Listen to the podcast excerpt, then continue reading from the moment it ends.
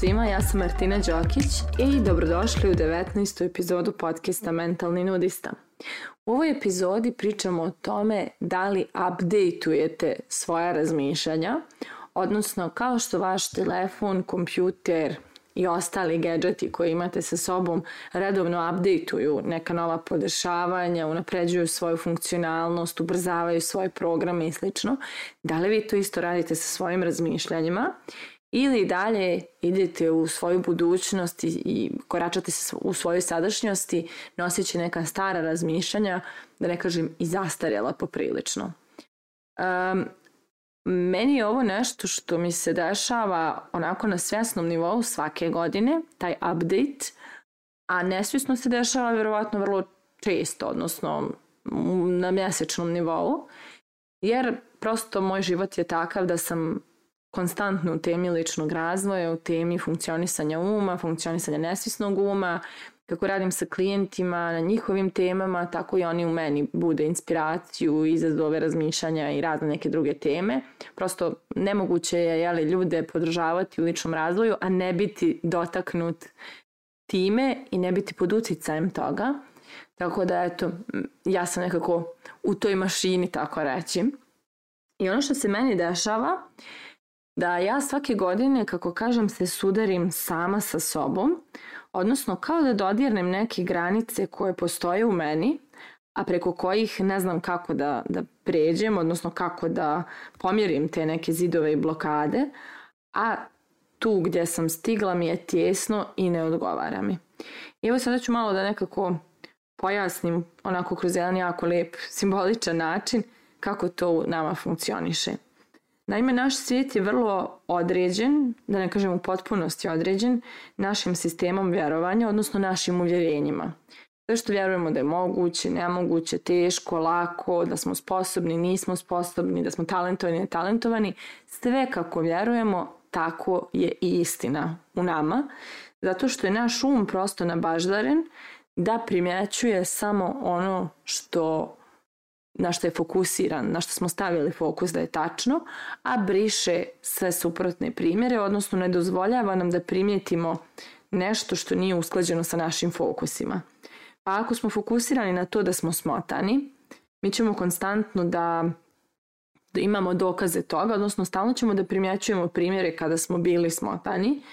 a nećemo primjećivati primjere kada to nismo, jer prosto nije nam fokus na tome. Uz sve to, pošto nosimo vjerovanje da smo smotani, kada krenemo u neku kompleksniju radnju, tipa nošenje tacne sa kafom,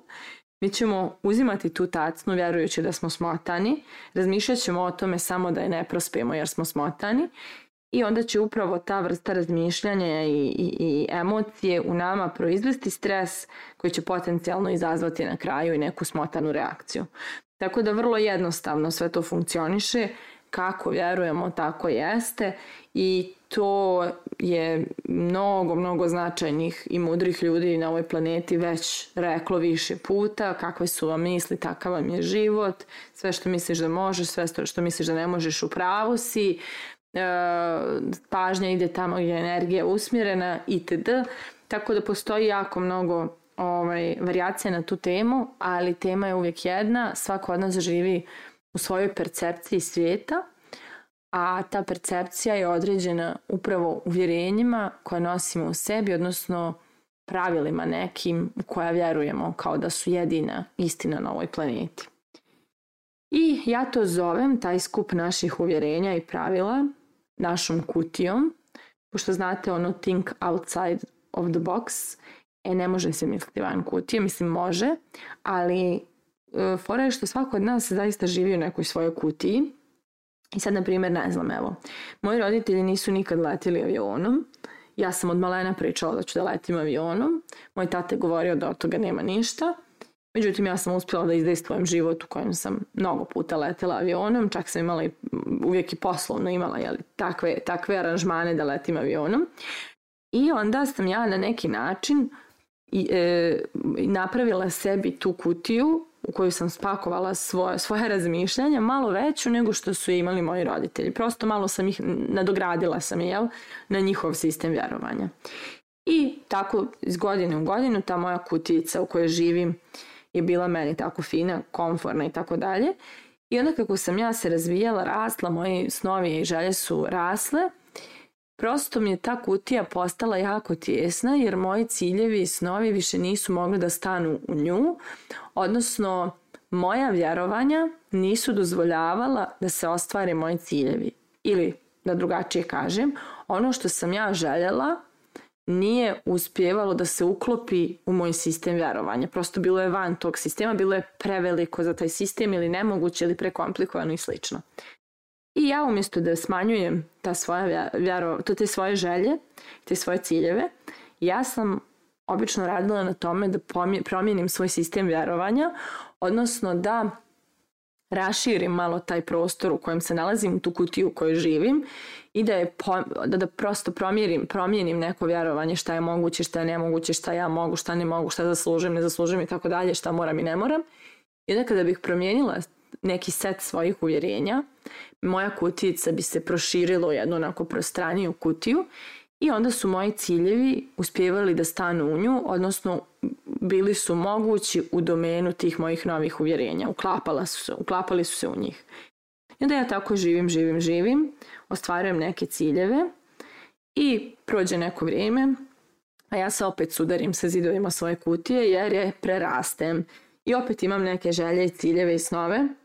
koji su preveliki za tu kutiju koju trenu, u tom trenutku imam, da opet moram da mijenjam nešto da bih pomjerila te zidove i da bih raširila tu svoju kutiju i da bi moji novi ciljevi uspjeli da stanu u nju. I ja to govorim, i tako je li to se godinama funkcioniše, I ja to obično kažem da se ja svake godine sudarim sama sa sobom, odnosno sudarim, moje želje se sudare sa mojim idejama šta, je, šta ja mogu, ne mogu, šta je moguće i nemoguće. Ja tada obično imam taj neki dark night of the soul, odnosno taj neki moment e, pomračenja uma i duše i emocija i bude mi prilično težak taj period kada shvatim šta sam sve vjerovala i mislila i koliko sebe ograničavala, a nije moralo tako. I onda uvijek malo tu ima posla da ja to sebi malo i oprostim i otpustim i promijenim i onda kao da se sve pročepi, ja mogu dalje na novi nivo sa novim ciljevima. E, ono što ja vidim da se često dešava i što čak i dosta mojih dragih ljudi često radi, oni se nađu, znači ostvare neke ciljeve, stignu do nekog nivoa i kutica im postane tjesna jer prosto vrijeme za neke nove nivoe i nove ciljeve Međutim, oni umjesto da prošire svoju kutiju, pokušavaju i dalje da se namjeste u njoj, da im dalje bude udobna, to jest da ih nekako ne žulja ako ikako moguće, ali da ostanu u toj istoj kutiji. Ja daću neke primjere, na primjer, evo pošto imala sam u poslednje vrijeme susret dosta ljudi koji rade u korporacijama i imaju onako prešli su neku igricu i ne osjećaju da mogu više tu da napreduju u tom sistemu u kojem su I onda nezadovoljni su poslom, ne poklapaju se sa vrijednostima kompanije, ali dalje pokušavaju nekako da svoje ciljeve uklope u tu kompaniju kojoj su, pa kao ajde možda malo veća plata, možda malo bolja pozicija, ali što god da se uradi dalje se ne osjećaju srećno i zadovoljno jer nalaze se na istom nivou igrice, a žele neki novi nivo. A taj novi nivo zahtjeva da se pomire neka uvjerenja, da se promijeni nek, da se prosto promjenom uvjerenja oslobode i nekih strahova kako bi dozvolili sebi da zamisle neki novi cilj i krenu ka njemu. Tako da dosta ljudi umjesto baš to da proširi svoju kutiju, oni pokušavaju da nekako uglave u nju svoje potrebe, iako ih užasno žulja i kako god se okrenuli i pomjerili, ta kutija im je i dalje tjesna. I to je onako um, meni žao kada vidim Ali dobro, kad tad čovjek shvati da mu je stvarno ta kutija pretisna, samo eto nekome to traje duže, nekome to traje kraće. Ali vrlo je važno primijetiti kada ste se sudarili sami sa sobom, kada su vam zastarjela vjerovanja koja imate i razmišljanja koja imate i kada je trenutak da ih promijenite. Jedno od mojih posljednjih uvjerenja koje sam mijenjala